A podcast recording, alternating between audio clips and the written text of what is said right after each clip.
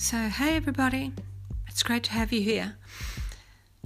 More than anything, we can share a conversation about two dress sizes smaller. So, I think everyone, you know, is pre- pretty keen to achieve that if they need, to, if they have to, and if they need to. So, you're welcome to join in and have a great day.